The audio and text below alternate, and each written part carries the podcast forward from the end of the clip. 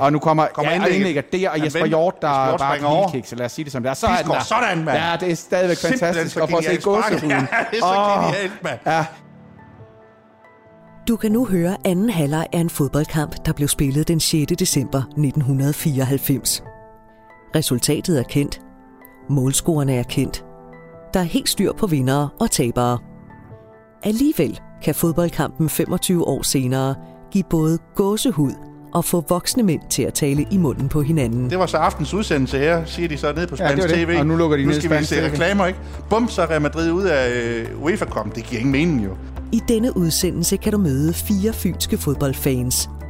To af dem holder med vinderne, to af dem holder med taberne. Nej, nej. Hurtigt videre. Det er en parentes i, i Real Madrids historie, og det var en parentes, man godt kunne have været foruden, men, men uh, so be it. Og du kan naturligvis også møde en række af dem, der var med til at skabe det, mange kalder dansk klubfodbolds største præstation nogensinde. OB sejr over Real Madrid. Carsten Hemmingsen, Altså, der gik jo fem minutter af kampen, og der sagde jeg bare til ham på udstanden, jeg skal have den trøje der. Ulrik Pedersen, Jeg ved ikke, om man ligefrem kan kalde det genialt, men når jeg så- sådan sidder og ser det, så synes jeg faktisk, det er, det er et sindssygt godt mål. Morten Biskov, Det jeg husker også fra kampen er øh, en defensiv duel, jeg har med Michael Laudrup, hvor han netop får en en mod en øh, duel med mig, hvor jeg bare tænker, er du ikke sød at spille den over i den anden ende? Jens Melvang, der vil jeg nemlig løbe op og lykønske uh, Morten Bisgaard. Og jeg løber cirka 10 skridt eller 5 skridt sådan ret hurtigt, og så får jeg krampe i, i baglåret. Carsten Detlefsen, Jeg tjekker lige, det er det rigtige sted at sidde, og de kommer stadigvæk ikke, så går jeg ud igen for at kigge. Så løber de alle og jubler derude. Den er ikke lige fanget. Cheftræner Kim Brink, Vi skal spille på en bane, og en bane er en bane. Om den så ligger i Danmark eller i Spanien, eller ligger i Norge, eller hvor fanden den ligger henne, det er ligegyldigt. Så vi skal bare ned og spille på den bane, og så, og så gøre vi alt, hvad vi kender, så vinde den kamp. og holdets massør Allan Poulsen. Vi er nede på OB, da lodtrækningen blev foretaget, og hvor de kommer oven i, vi skal møde øh, Real Madrid. Det her er anden halvleg af radiodokumentaren Miraklet i Madrid.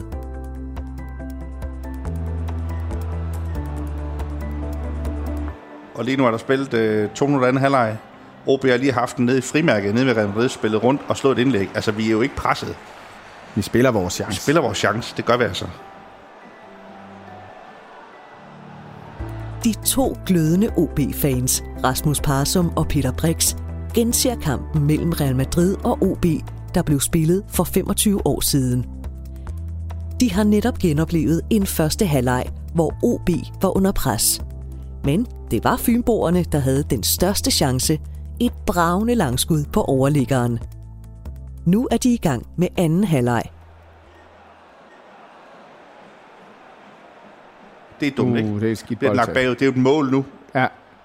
Men Det- så får du presset så- ham ud af, ikke han skal gå Hvem er det, der på. kommer på tværs? Er det Michael, eller hvad? Det er Carsten? Detlefsen. Detlefsen. Kæmpe chance jo. Alfonso står der her på øh, skærmen. Helt fri jo. Ja. Altså, det er jo et mål. Det er det. Han aldrig nogensinde, altså der, så er laver han en sparkefind. Ja, helt tosset.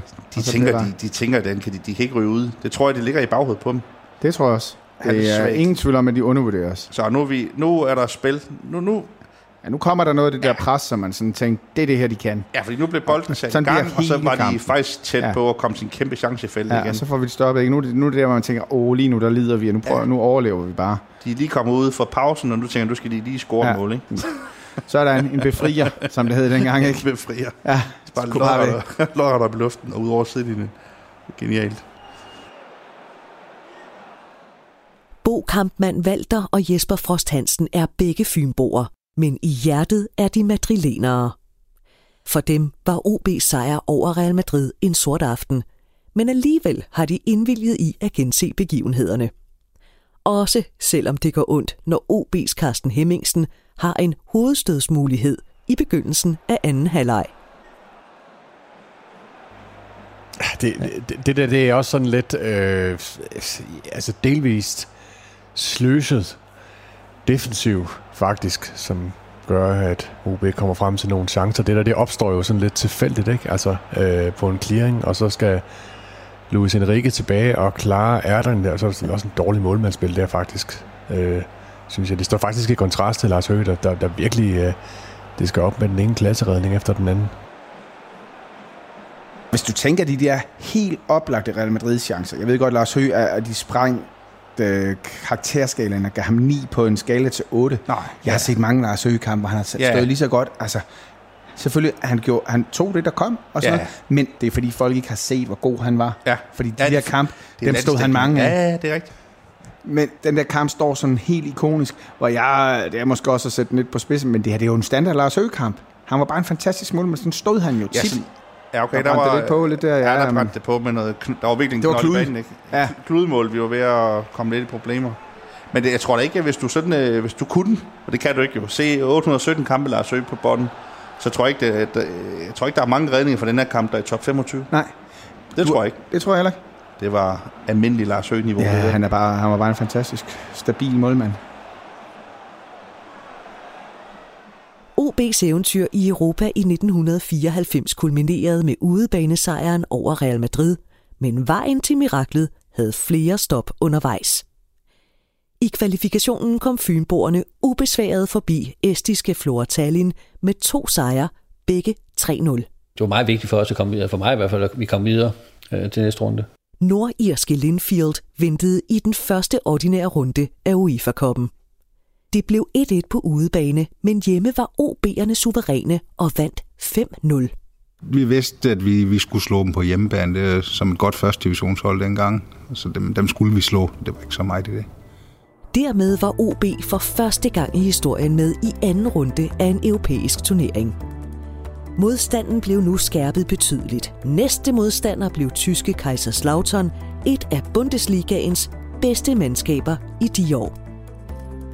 I Tyskland klarede Fynboerne 1-1, og det udebanemål sikrede OB en plads i næste runde, da de på et fyldt Odense stadion spillede 0-0 med Kaiserslautern. Jeg synes, det var den bedste kamp, vi spillede overhovedet.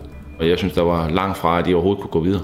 8. lignede sidste stop for OB i UEFA-koppen.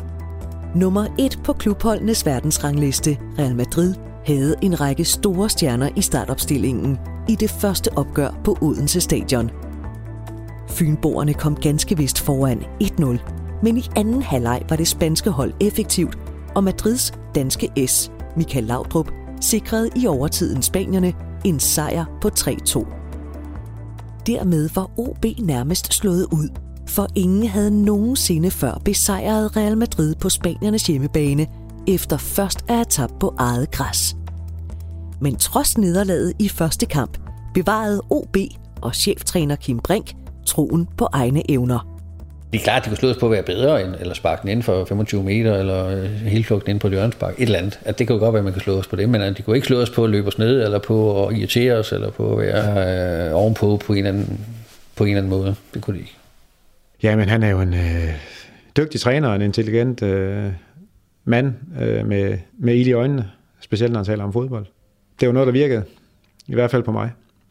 Og det, jeg husker allerbedst, det var sådan set den der måde, som Kim kunne give et hold selvtillid på, hvor han egentlig sådan fik os til at tro, at øh, vi var mindst lige så gode som øh, så dem, vi skulle stå overfor. Velvidende, at det var verdensstjerner, Michael Laudrup og Redondo, Luis Enrique, og hvem, hvem det ellers var. Altså når han sådan stillede holdene op mod hinanden og skulle fortælle om, om styrker og svagheder øh, holdene imellem, så, så fik han os egentlig til at tro på, at, øh, at vi havde en, havde en chance i den kamp her. det er jo lige så meget, Kim Brink var det også noget omkring øh, de valg, han, han valgte i forhold til, hvad for en type skal være på hvilke positioner. Øh, og vi skiftede også øh, f- formationer. Generelt var han bare mere optaget af, det, af, af, formationer og end andre. Vi spillede utrolig direkte, og, og det var ikke en, et uh, positionsspil, vi havde. Det var meget direkte fremad, og det var utrolig effektivt. Jeg spiller med Melvang på det tidspunkt i hvert fald. Inden ved siden af mig skulle jeg også ned i Madrid. Og den Melvang har kunne en masse teknisk. Jeg var ikke en stor spiller, men vi tabte fandme ikke mange kampe sammen med ham. Ja, vi, vi fungerede rigtig godt sammen, og så kunne vi jo kræfte med løb. Vi var dem, der var mest løbstærke sammen med Stene på det tidspunkt. Altså. Så vi kunne jo, vi kom jo rundt på, på ved et græsstrå. Vi havde sådan et, øh, sådan et hold, som havde, øh, specielt i de kamp, der bare en eller anden øh, selvtillid omkring det der. Altså vi troede sgu øh, fuldt og fast på, at vi kunne øh, konkurrere med, øh, med de hold der. Det, det, det troede jeg på. Det var aldrig sådan, at jeg gik ind og sagde, at vi tager nok den kamp her. Nej, jeg troede, den kan vi da godt vinde, for de kommer i hvert fald ikke forbi mig. Det gjorde de så alligevel et par gange, men, uh, men det er i hvert fald det, jeg går ind til kampen med, at, at det her, det kan ikke gå helt galt. Og det synes jeg egentlig også, at holdet her, det var ikke nogen, der, der snakkede om, at vi skulle, øh, nu skal vi ned for ikke at tage for stort. Nej, ude at spille vores chancer, og så se, hvad det kan række til.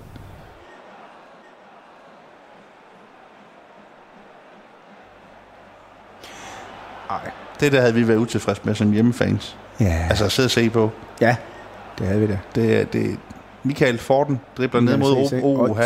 Og, Og den der der bande, ja, så... lange hjørne, den, tager, den, udenom, den går udenom. ja, den er udenom. Men prøv at se høen, han ved godt, den går forbi. Ja, ja, ja. Han, han kalder den også. Jeg behøver ikke tage den, for den er ved siden af. Nej, altså ikke give hjørne, det er det. Det er det. Han kan godt se, at den, her, den går ved siden af, eller den bare passerer, i stedet for lige at kaste mig ned. For han kunne godt have noget, den høje kan tage alt. Det er en klassebande, det der med Viska. det, er det. Og en stor chance, ikke? Men Men, dårlig- se, han dårlig stiller teknik. rullen væk, og den er Ja. også... Dårlig teknik af Michael, ikke? Prøv at se den måde, han...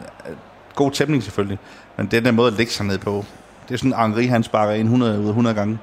Og de var også på vej ned i fansene bag mål. Med Så kommer Lavin. Jesper ind. Assistkongen Skal senere. vi i Storebud? Ham har du heller ikke Ja. set sådan, så meget. Nej. Jesper Hjort. Heller ikke en, der sådan rigtig øh, sådan, Nej. altså, tog Europa med storm. Han scorede i hjemmekampen, Jesper Ja, Hjort, det ikke? han. Øhm, Ja. Et langt efterår med mange spændende kampe var på vej mod sin afslutning med 8. delsfinalen mod Real Madrid som det sidste store skridt. Fynboerne havde allerede overgået alle forventninger med samlet sejr over tyske Kaiserslautern og et hjemmebanenederlag mod Real Madrid, hvor de var tæt på at vinde. Det blev derfor besluttet at gøre noget ekstra ud af turen til Madrid.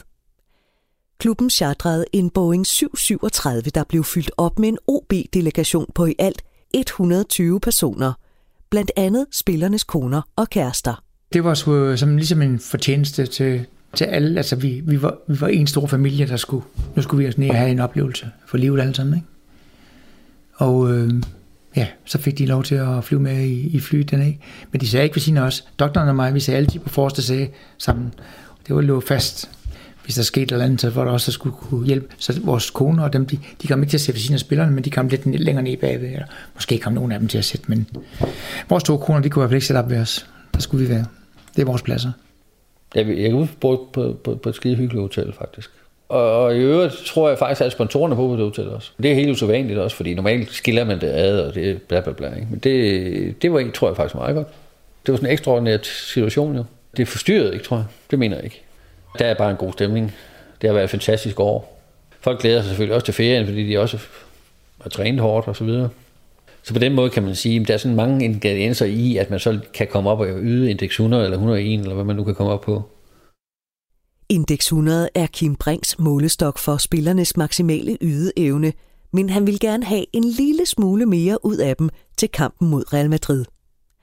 Dagen før kampen får OB'erne lov til at træne på madrilenernes ikoniske hjemmebane, Estadio Santiago Bernabeu. Hvis Real Madrid-spillerne ikke havde selvtillid nok efter sejren i Odense, var der mere at hente under Fynborgernes træning. For hvis der var spanske spionøjne på træningen, kunne de efterfølgende berette om en flok OB'ere, der havde meget svært ved at ramme hinanden med afleveringerne. Græsset det var jo utrolig fladt og øh, ret hårdt, hvilket betyder, at man kan lave, altså når du laver afleveringer, så bolden den, den ryger meget hurtigere. Øh, og så hvis der så også er vand på, så går det hurtigere. Altså vi laver jo ofte sådan nogle skabelonøvelser, og der, der er det, at afleveringerne skal sidde præcist og så videre, og, og der, hvis, altså, det kørte bare ikke, fordi at det, det gik for stærkt. Men det var meget godt, vi fik det, øh, vi fik prøvet det af, jo, fordi så, så det blev ligesom vendt til det, ikke? Jeg var ikke bange for det her, på nogen måde. Jeg synes, de virkede klar. Altså, jeg kunne mærke, at de var, de, de var der, hvor de skulle være dagen før en kamp. Jeg, jeg er enig i, når jeg tænker tilbage, det var sgu nok rigtigt nok, at så lavede vi nogle indlæg, som, som ikke lå ordentligt og sådan noget. Det er nok ret i, at selve træningsindholdet ikke var verdensklasse den dag. Det var det nok ikke. Men de var klar. De var klar på, på det, de skulle være 24 timer før.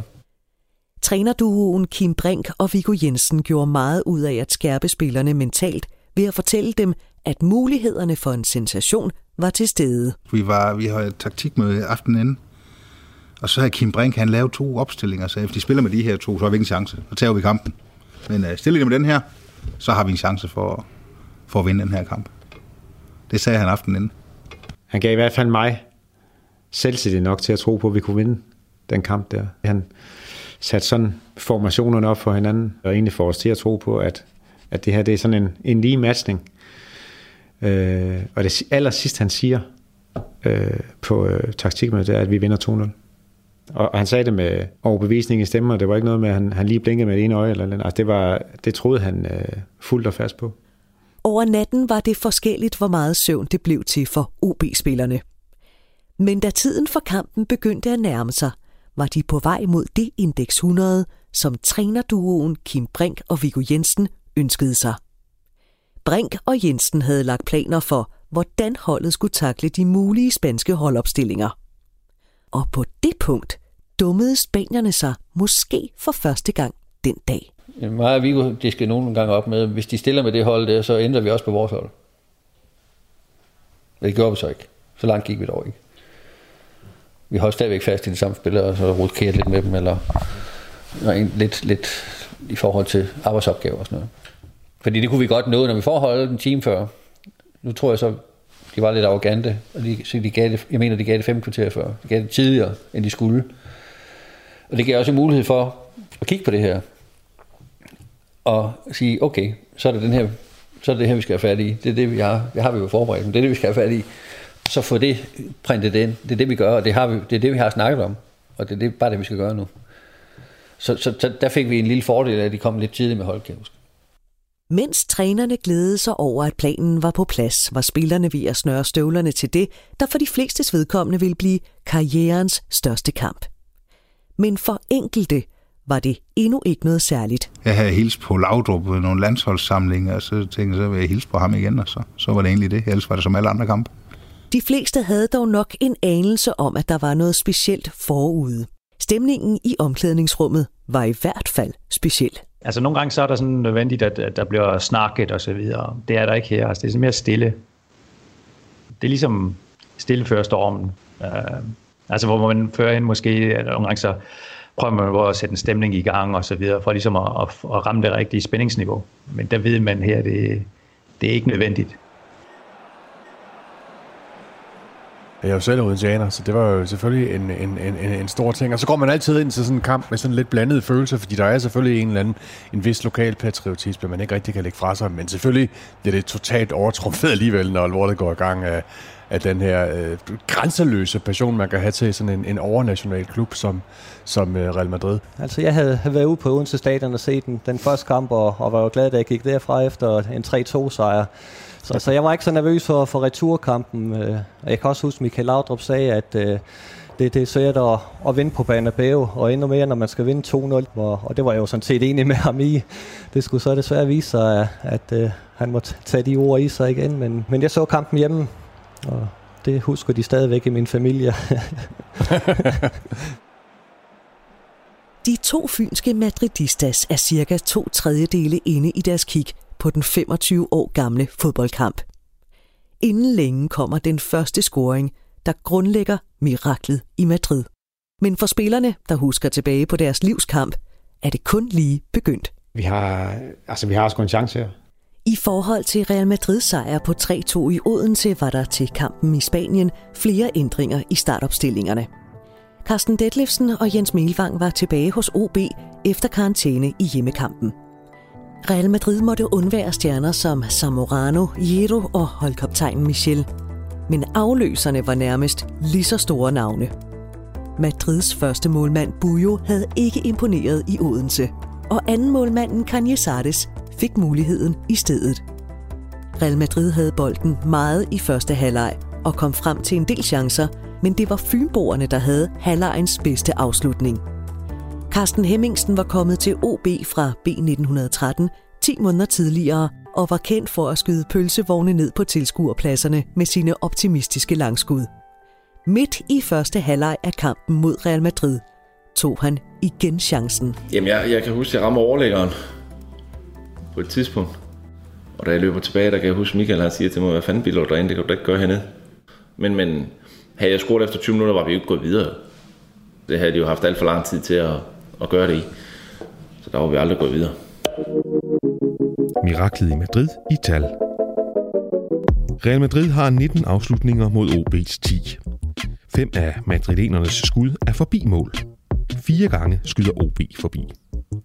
Kun 4-5 gange i løbet af kampen har Real Madrid meget store chancer. Mange af de andre afslutninger er langskud, der ikke kan regnes som store chancer, selvom de er dygtigt udført. Men OB's målmand Lars Hø har den individuelle kvalitet, der skal til for at stoppe dem.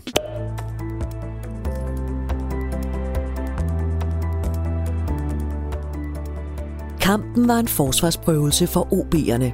Madrilenerne havde bolden meget, men gang på gang fik OB'erne tvunget hjemmeholdet til halvslattende afslutninger eller helt stoppet stjernernes fremfærd mod Lars Høgs mål. Jeg ved, at jeg får, i, får et gult kort mod Laudrup lige før halvleg. Han laver tunnel på mig, og så kommer han ikke længere. 0-0 ved pausen. Og det var træner Kim Brink helt tilfreds med. Jeg mener ikke, der var så meget taktisk at snakke om i pausen. Det mener jeg simpelthen ikke, der var. Det var troen på tingene, der var vigtigt. At få skærpet 100% op igen. Så tror jeg faktisk, det jeg tror både mig og Viggo gjorde, gik rundt til nogle, altså snakke med, snakke med spillerne, ikke så meget i fællesskab, men mere individuelt i forhold til, øh, at få dem op på det indeks 100 igen, i forhold til, du kan, du kan, du kan godt det der, det kan vi jo se. Du kan også mere end det her. Altså prøv at få, få dem skærpet igen, ikke? Og ikke et negativt ord, altså kun positivt. I anden halvleg fik Carsten Hemmingsen igen en chance for at bringe OB foran. Luis Enrique, han redder den ind på stregen også. Et hovedstød, jeg har, målmanden kommer ud i mig. Jeg trækker mig faktisk lidt med målmanden, det har sådan irriteret mig lidt efterfølgende. Det ser ud som om, jeg trækker mig lidt. Hvis jeg går lidt mere på, så har jeg skruet. Selvom det er svært at se, når vi i dag kender resultatet, sled det på spillernes kræfter, at banen i Madrid var større end hjemmebanen i Odense. Både banen og stadion er kæmpestor. Kæmpestor det hele. Det er ikke noget, vi tænkte over inden, men det var nok derfor, vi lå så træt, for vi blev, vi blev sendt godt og hurtigt rundt. Det gjorde vi. Og det er en situation, hvor jeg er med fremme, og så når de er angreb, og så når vi er angreb en gang mere, inden jeg kommer tilbage. Hvad fanden er man træt også, den er. Det jeg husker også øh, fra kampen er øh, en defensiv duel, jeg har med Michael Laudrup, hvor han netop får en en mod en øh, duel med mig, hvor jeg bare tænker, er du ikke sød at spille den over i den anden ende? Men det gjorde han desværre ikke, og han udfordrer mig. Heldigvis så tog han for lang træk, og den røg ud over baglinjen, eller mållinjen, som det hedder. Øh, så det er egentlig det, jeg, jeg, jeg husker mest. Altså de laver jo, altså næsten alle deres boldberøringer, de, de sidder lige, hvor de skal, og, og det er meget, der er meget lidt, øh, altså fejlprocenten er så lav. Og det er midt i anden halvleg, der kommer Michael Hemmingsen hen til mig og siger, det er lige meget, hvad vi gør, Carsten. Høj, han tager det hele. Jeg skal bare sørge for, at de ikke scorer, men Høj, han tager det hele, så lige meget, hvad vi gør. Det sagde han til mig. det var sjovt. Så det var egentlig fint, og det fik han jo ret i. Jo. Han tog alt. Øh, altså, der, der er mange, der spiller øh, virkelig, virkelig fantastisk kamp. Ikke? Over indeks 100, det kan man jo ikke, men hvor du, du, i år, hvis du er dopet, og det var vi ikke, kan jeg love, vi var ikke dopet. Så, så, øh, men du, du er deroppe, hvor du ligger på det, du egentlig kan, i forhold til, Og, øh, hvis, hvis du ikke kan mere, så, kan du, så skal du bare alligevel. Og OB-spillerne blev ved med at knokle for at holde Real Madrid fra de helt store chancer, og med at lure på den mulighed, der måske ville opstå. Og med 20 minutter igen fandt en aflevering fra den indskiftede Jesper Hjort hen til Ulrik Pedersen. Gode spillere gør jo oftest en forskel. Jesper Hjort var en rigtig god spiller på det tidspunkt. Især havde han, øh, var han øh, hvad skal man sige, godt spillende. Og jeg må sige, Jesper Hjorts assist til Ulrik Petersens 1-0-mål øh, ser man jo ikke rigtig på tv. Man ser den lige langsomt gengivet. men Det er jo rigtig flot spillet, og i øvrigt også øh, en fantastisk scoring af, af, af Ulrik, som jo også var 20 år dengang, men som helt koldt øh, laver et lop. Altså, det er, jo, det er jo helt uhørt. Jeg ved ikke, om man ligefrem kan kalde det genialt, men når jeg sådan sidder og ser det, så synes jeg faktisk, det er, det er et sindssygt godt mål. Altså, det, det må jeg bare sige. Men der er faktisk mange, der har, har spurgt mig sådan, jamen hvad tænkte du, da du scorede? Hvad tænkte du, da der blev ned mod målmanden? Altså, og der tænker man ikke noget som helst. Det, det er noget, der sker øh, på et splitsekund. Jeg tror, Morten kan kalder det automatismer. Men det er en eller anden automatisme, der, der går i gang der, som får min krop til at vælge, at, at, at det er den rigtige afslutning på, på det tidspunkt. Det den berøring, jeg tager lige inden afslutning, den, er faktisk ikke nogen specielt god berøring, synes jeg. Men det gør så også, at man kan sige, at, at det ligger bedre til sådan en afslutning der. At, at den ligger lidt ud til højre side, og jeg kan, jeg gør det på den måde. Men det er sådan nogle ting, som, som er ren intuition. Men selvom OB nu lå til en sensationel udebanesejr over Real Madrid, var der til synlædende ikke meget, der ændrede sig for de to hold. Real Madrid forsøgte fortsat at brodere sig til chancer for at score. OB'erne knoklede for at holde dem væk. det er ikke sådan, det kommer den der jubel, yes, nu vinder vi i kampen. Nej, nu er det fandme vigtigt at holde vindet bagved. Ikke? Det, det var det, det, den følelse gik igennem mig. Nu skal vi holde den hernede. Nu skal de ikke have lov til at gå op og score. Jeg sige, nu kommer det ikke forbi mig. Nu, nu slagter vi dem. I princippet, så er det jo ikke nogen katastrofe for Real Madrid at tabe 0. Øh, de er jo videre. Men øh, det er jo så stor en skamplet for dem at skulle tabe til sådan et øh, upagtet hold som os. De er jo bagud 0-1 til øh, det her lille øh, klub øh, op fra øh, Skandinavien. Og det er jo ikke acceptabelt for, for Real Madrid at tabe. Og det, det er jo tydeligt, at Real Madrid-spilleren tænker jo ikke på, øh, hvis vi taber 2-0, så er vi ude. De tænker kun på at få 1-1. Vi ved jo godt alle sammen, altså i fodbold, der, øh, der skal der jo så lidt til, man kan sige, øh, at skulle score to mål mod Madrid, øh, uden at de får scoret mod os, det er jo en øh, meget, meget stor opgave. Det at skulle score et mål i løbet af et kvarter eller meget der, det er en langt mindre opgave, og noget, som trods alt er mere sandsynligt. Så jeg tror ligesom, det er det, der går op for os, at, øh, at hvis vi sådan virkelig, hvis alt flasker sig, så øh, kan vi rent faktisk få, øh, få et resultat her. En 1-0-sejr over Real Madrid på Estadio Santiago Bernabeu vil være et tilfredsstillende resultat for de fleste. Men et minut inde i overtiden stoppede målmand Lars Hø et godt spansk angreb og en afslutning fra spanske kigge.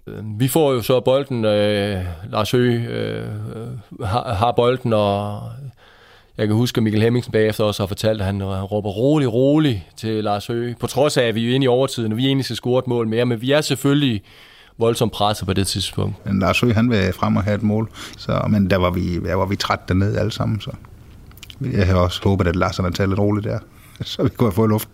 Men øh, bolden bliver sat i gang, og øh, allerede der, der, der står jeg jo dybt nede i, øh, i vores felt. Øh, men det eneste, jeg tænker på, det er jo at, at komme frem. Og det er jo så i modsatte side af, hvor jeg er. Jeg, jeg laver en, en førstegangsaflevering, som ikke rammer ordentligt, men den kommer alligevel ud til Schönberg. Og så, så, så han så får drev i den og kommer fremad. Ikke?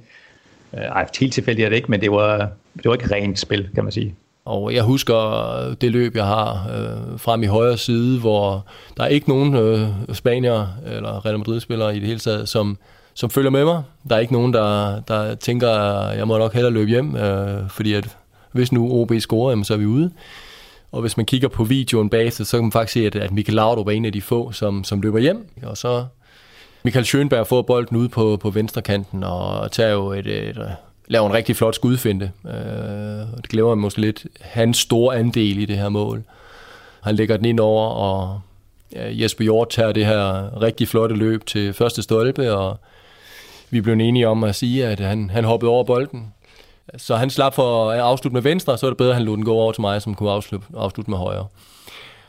Og der løber jeg jo perfekt ind i bolden. Og så øh, er det jo noget, øh, jeg har trænet, og andre har trænet mange gange, at hvis man får bolden, den kommer fra modsatte side, så vil målmanden bevæge sig i den retning, og så giver det fornuft at sparke modsat. Og der rammer jeg faktisk bolden rigtig godt. Og man kan øh, selvfølgelig se på videoen, at den tager lige et spring hen over Canizares øh, ben, men øh, jeg rammer faktisk bolden lige som jeg, som jeg gerne vil, eller hvert fald giver den den retning, som øh, den skal have. Og det er jo selvfølgelig at se den løbe ind, eller, eller hvad hedder det, bolden gå ind, og så løbe ud mod tilskuerne. Der, der går det sådan lidt i sort. Det eneste, jeg kan huske, det er, at jeg slår korsets tegn. Øh, det er, det er en eller anden det øh, katolsk reference, jeg lige finder på i euforien, øh, og vi laver klønge, ikke? Øh, så det var jo et, klimaks, som jeg jo ikke har oplevet senere, tror jeg. Der vil jeg nemlig løbe op ad Lykkens Monbisgaard, og jeg løber cirka 10 skridt eller 5 skridt sådan ret hurtigt, og så får jeg krampe i, i baglåret. Og så vender jeg bare rundt, og så stiller jeg mig bare, og så venter jeg på, at de kommer op. Der var jeg helt færdig. Jeg tror også, at det overrasker nogen, at den lige, kun lige får lov at blive givet op, og så, så er det slut, og så kan jublen bryde løs.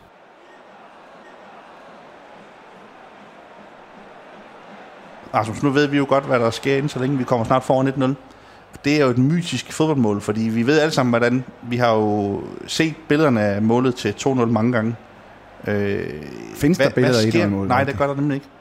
Nu skal de se den der igen. ser vi ja, de, vil gerne, de vil gerne have, der er straffespark. Der ja. er nogen, der vil og sige, der er se på Michael, at han har lavet straffe. Du kan godt se på ham, han, han, han tænker, at vi skal bare videre. Han har ikke lavet straffe. Han kommer bagfra nu. Nej, altså man kan sige, at han skærmer bolden af ved lidt at, at sparke manden væk, jo, kan man nu sige.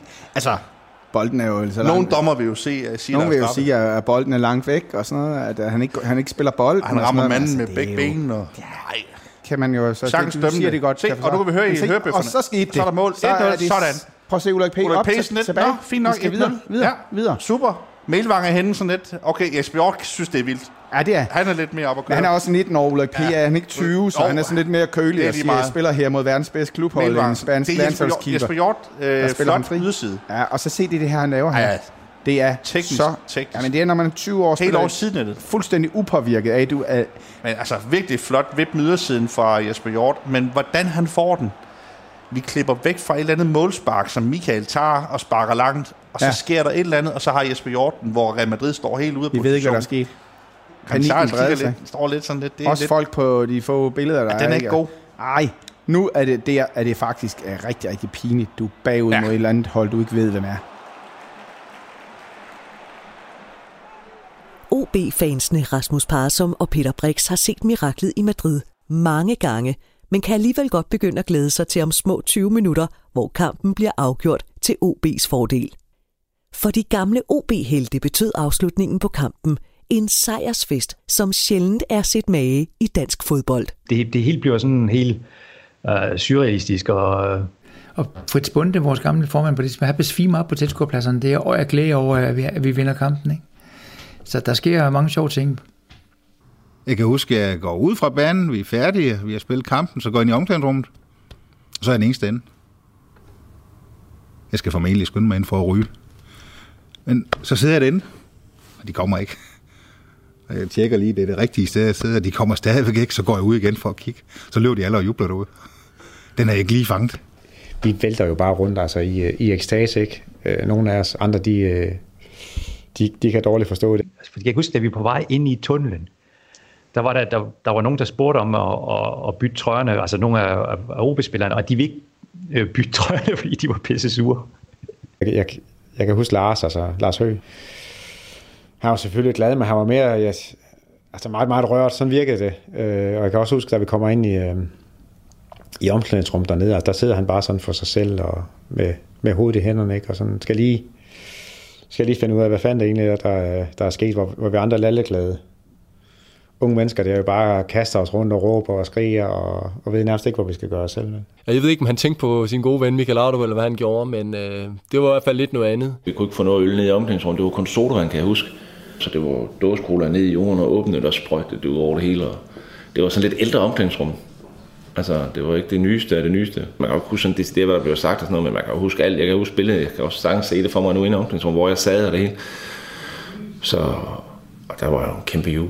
Jeg tænkte, fedt, skal vi øh, ud og have nogle øl og noget tobak, så skal vi byen hele natten. Det var, det var mere det, det gik på for mig. Det var fodboldkampen, den er overstået nu. Så var der ingen, der havde fået øh, trøjer. Det var mange, der gerne, det var, jeg tror, det var 8 eller 9 af mine holdkammerater, der gerne ville have Laudrups trøje, selvfølgelig. Men så, den sagde Allan Poulsen, den skulle jeg nok klare.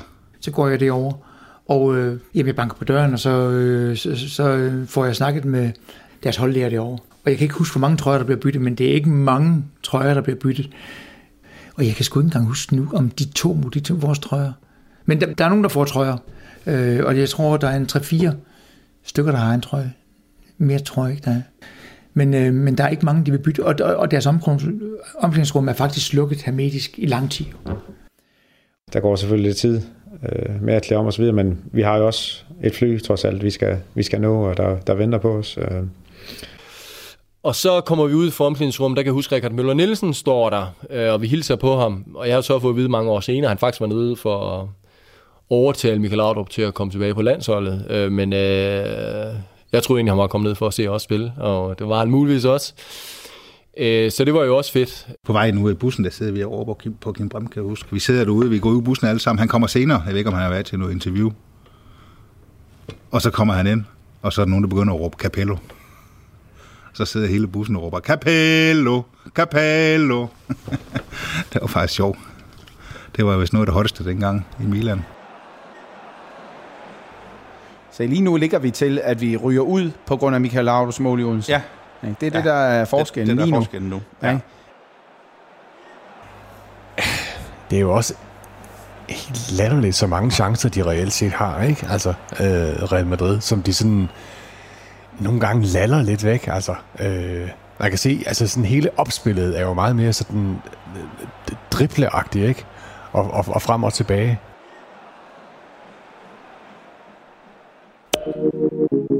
Miraklet i Madrid i tal. Boldberøringer i straffesparksfeltet 44 af Real Madrid, 5 af OB.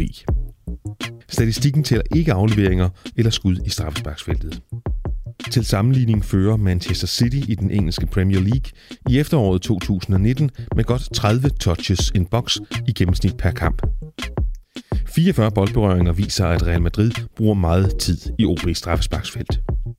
Men de kommer til relativt få afslutninger i feltets danger zone. Fynboernes forsvar og målmand gør et godt stykke arbejde. Det er Laudrup og Laudrup, Laudrup. Ja. God clearing. Og så her, ro på Karsten. Gælder om at ramme den nærmeste for ham altid.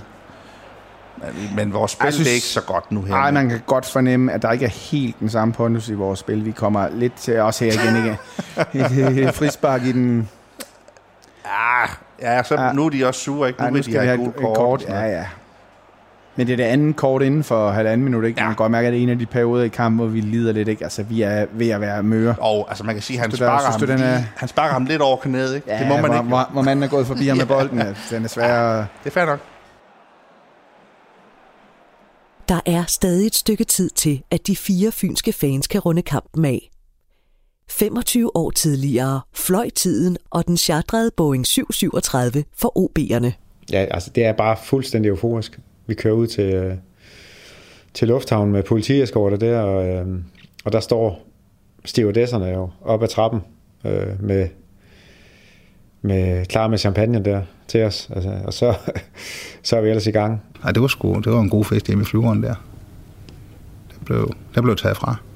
Der var jo ingen hæmninger, altså det var jo øh, ja, den sidste kamp selvfølgelig, det år der. Og, øh, det største, det største resultat nogensinde for, for klubben, så, så den fik jo bare øh, fuld gas. Altså. Og der blev jo bare stillet en bar op i enden, som vi skulle, de gav ikke gå og servere, de kunne ikke lave andet. Så der var jo faktisk ligesom at være på en almindelig bar. Vi stod bare oppe i baren, og, og der var ikke mere af de der små der, så de åbnede de der de store flasker, som du kunne købe flyturen hjem var jo bare vild, ikke? fordi at øh, alle var jo beruset, og øh, jeg har senere tænkt, jeg, jeg, jeg drikker jo ikke øl, for jeg har ikke aldrig lært at drikke øl. Jeg tænker, hvad fint har jeg egentlig drukket deroppe i det der, for jeg blev æderbange også beruset. Det må have været noget champagne eller sådan noget. Jeg, jeg, jeg kan faktisk ikke huske det. Vi, det var det mærkeligste, vi drak til sidst. Jeg tror også, det var nogen, der var ude at sidde i cockpittet, øh, hvis jeg fører noget. Da vi så kom til Odense, mener også, at jeg kan huske, at han lige skulle have, flyve en runde over Odense. Vi fik lige en, en rundtur over Odense, inden vi landede. Ikke hen, hen over byen, og så hen over stadion, og så rundt igen, inden han fløj til Bældringe.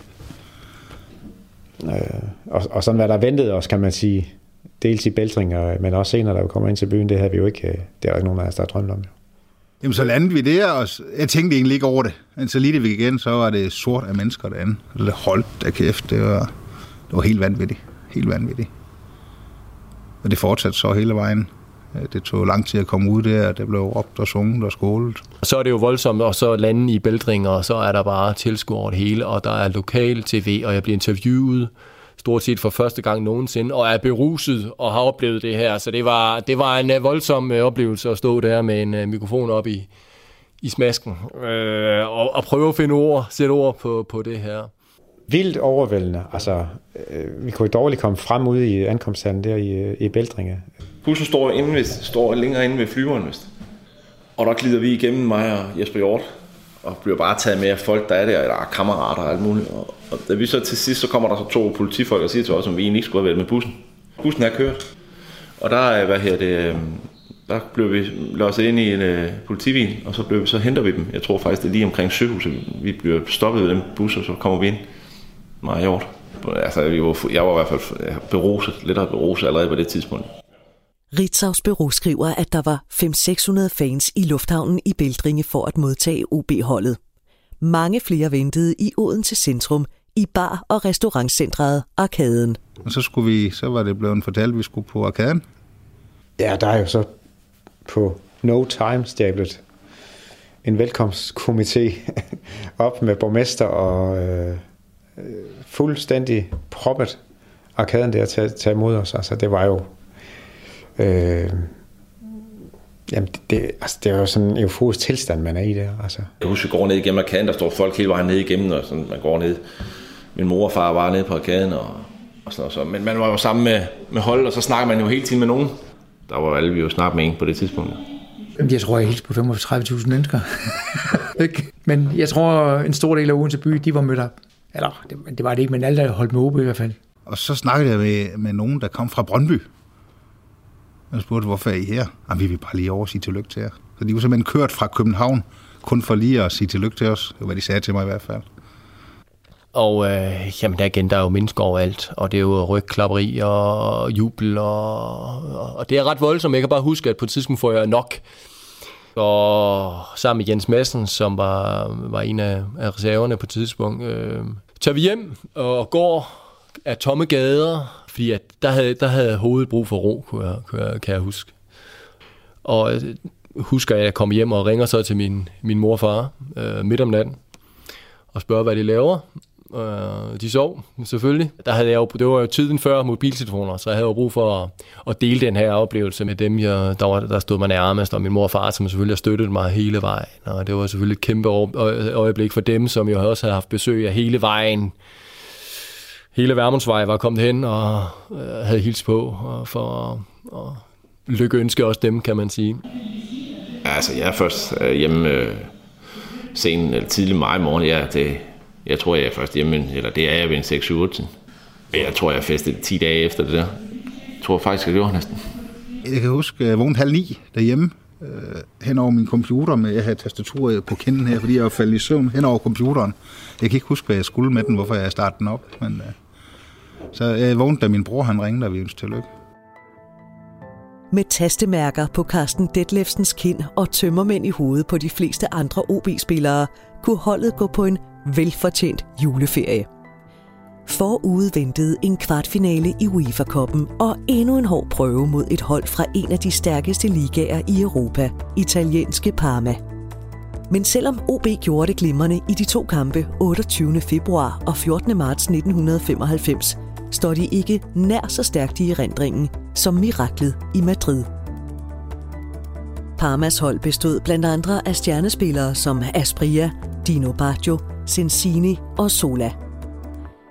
Men et pænt samlet nederlag til italienerne er ikke lige så interessant at huske tilbage på, som en historisk sejr over verdens, på det tidspunkt, bedste klubhold. Så der, der er selvfølgelig noget ærgelse og noget skuffelse og sådan noget, fordi det er så tæt jo. Altså, vi er jo godt kommet tættere på, tage 1-0 dernede og spiller 0-0 hjemme, og har en stor chance til sidst. Så er det selvfølgelig ærgerligt jo, men, men et eller andet sted også er man jo stolt over det, vi havde opnået. Altså. Men jeg tror faktisk, vi kunne have gjort det rigtig godt, for jeg tror, de trak Leverkusen i næste runde på Parma, og slår dem og kommer i finalen. Så jeg var sikker på, at på det tidspunkt kunne vi godt have vundet over Leverkusen. Så der var selvfølgelig en masse ærgelse og sådan noget, men også en glæde, og det var en kæmpe bedrift jo og sådan noget. Så jeg tror også stadigvæk, det der med Madrid, det hang i os, altså i folk.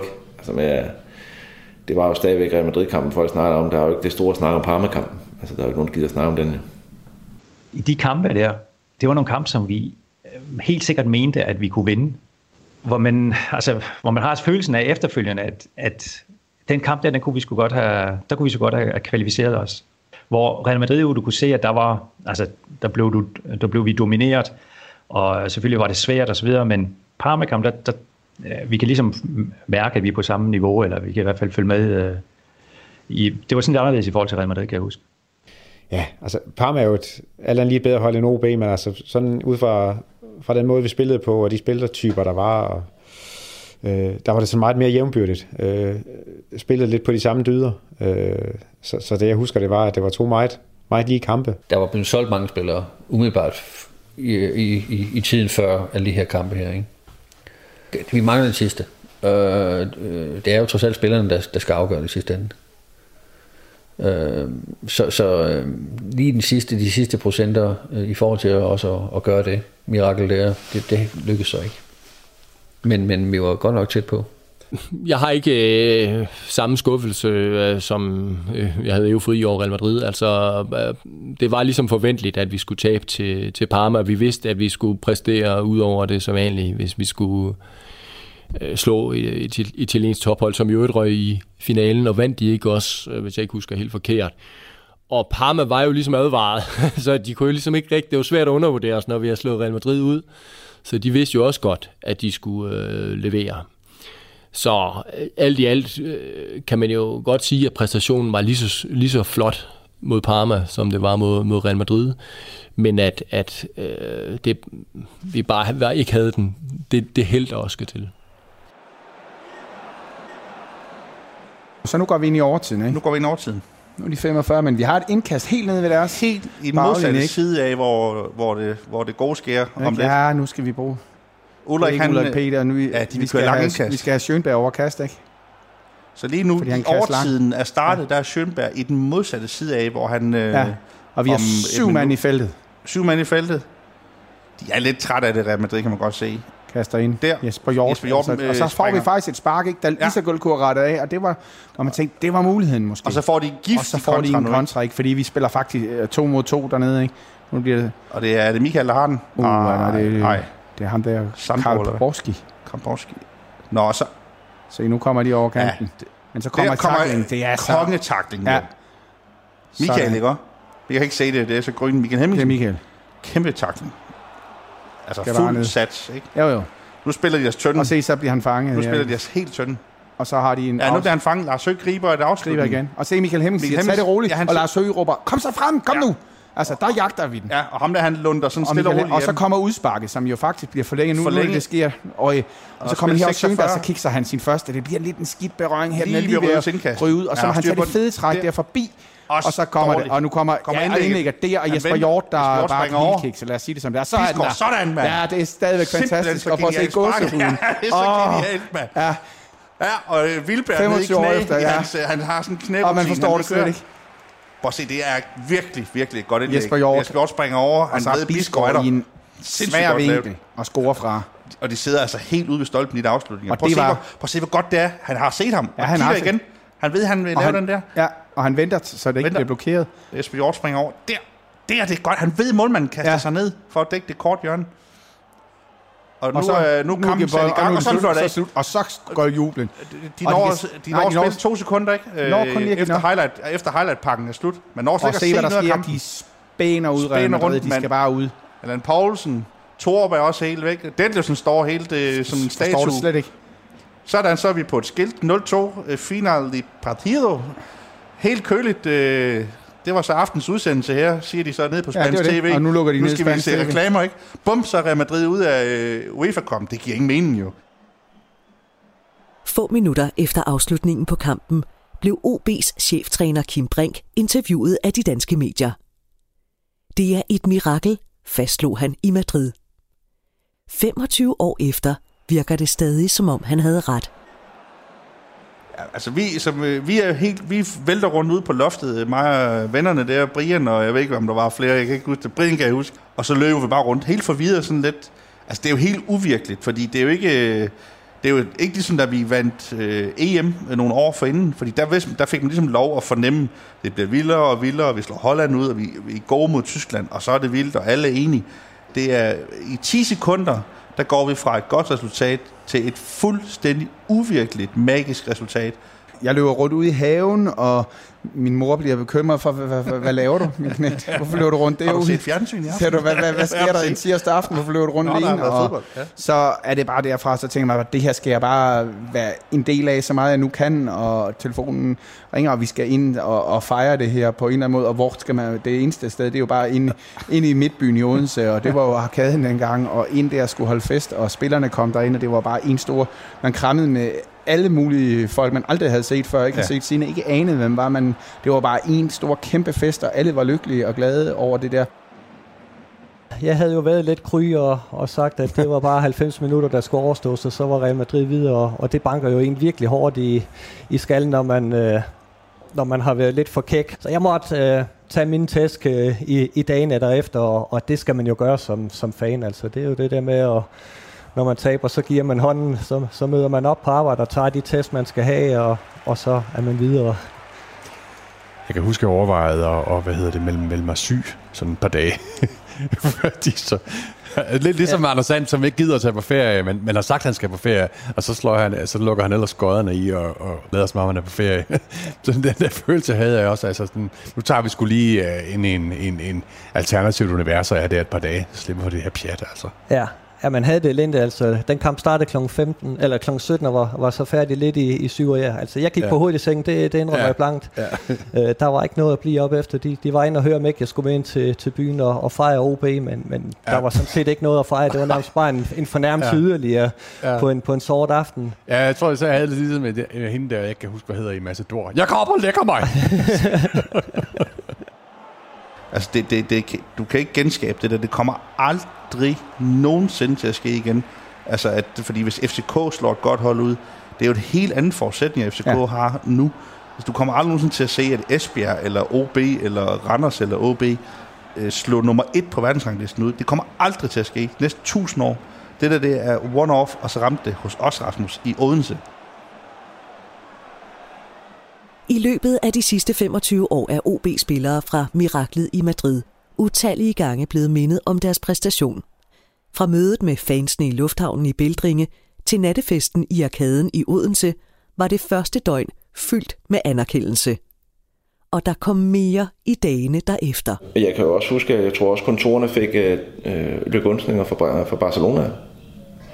Og det var flot og sådan noget på, med, på fax og sådan noget. Men jeg kan huske, at jeg, på det tidspunkt boede jeg på Bendixgade i, i Odense, og der en af naboerne kom hen til mig, og så hun havde været ude at rejse, og øh, hun havde simpelthen ja, læst i en avis i øh, uh, Langbordistan, ikke? og det er jo vildt nok, og det var jo netop et af de steder, der jeg kan ikke lige huske, om det var Nairobi, eller om det var Thailand, eller hvor det var.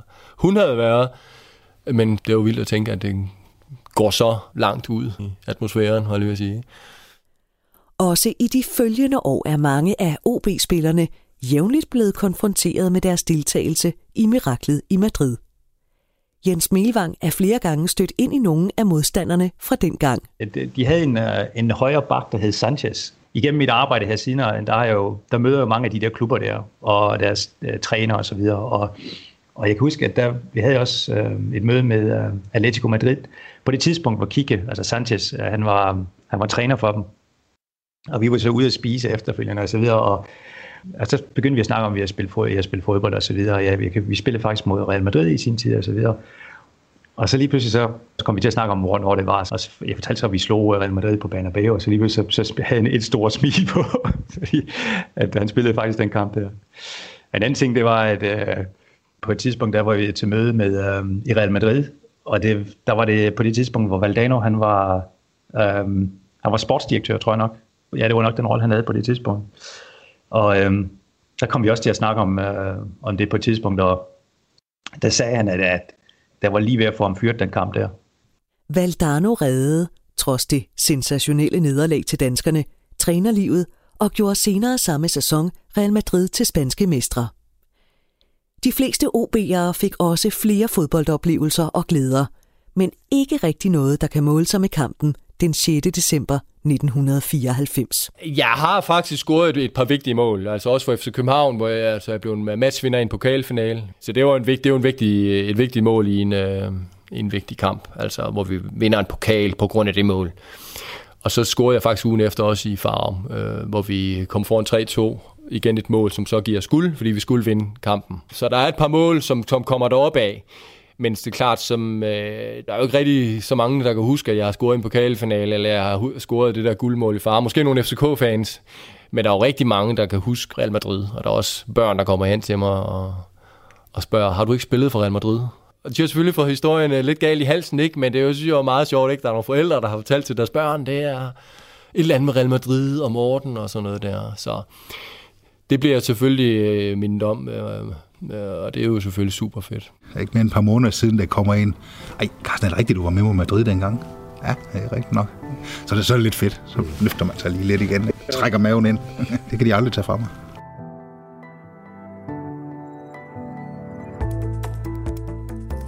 Tak til alle medvirkende. Peter Brix, Rasmus Parsum, Bo Kampmann Walter, Jesper Frost Hansen, Morten Biskov, Carsten Hemmingsen, Jens Melvang, Ulrik Pedersen, Carsten Detlefsen, Kim Brink og Allan Poulsen.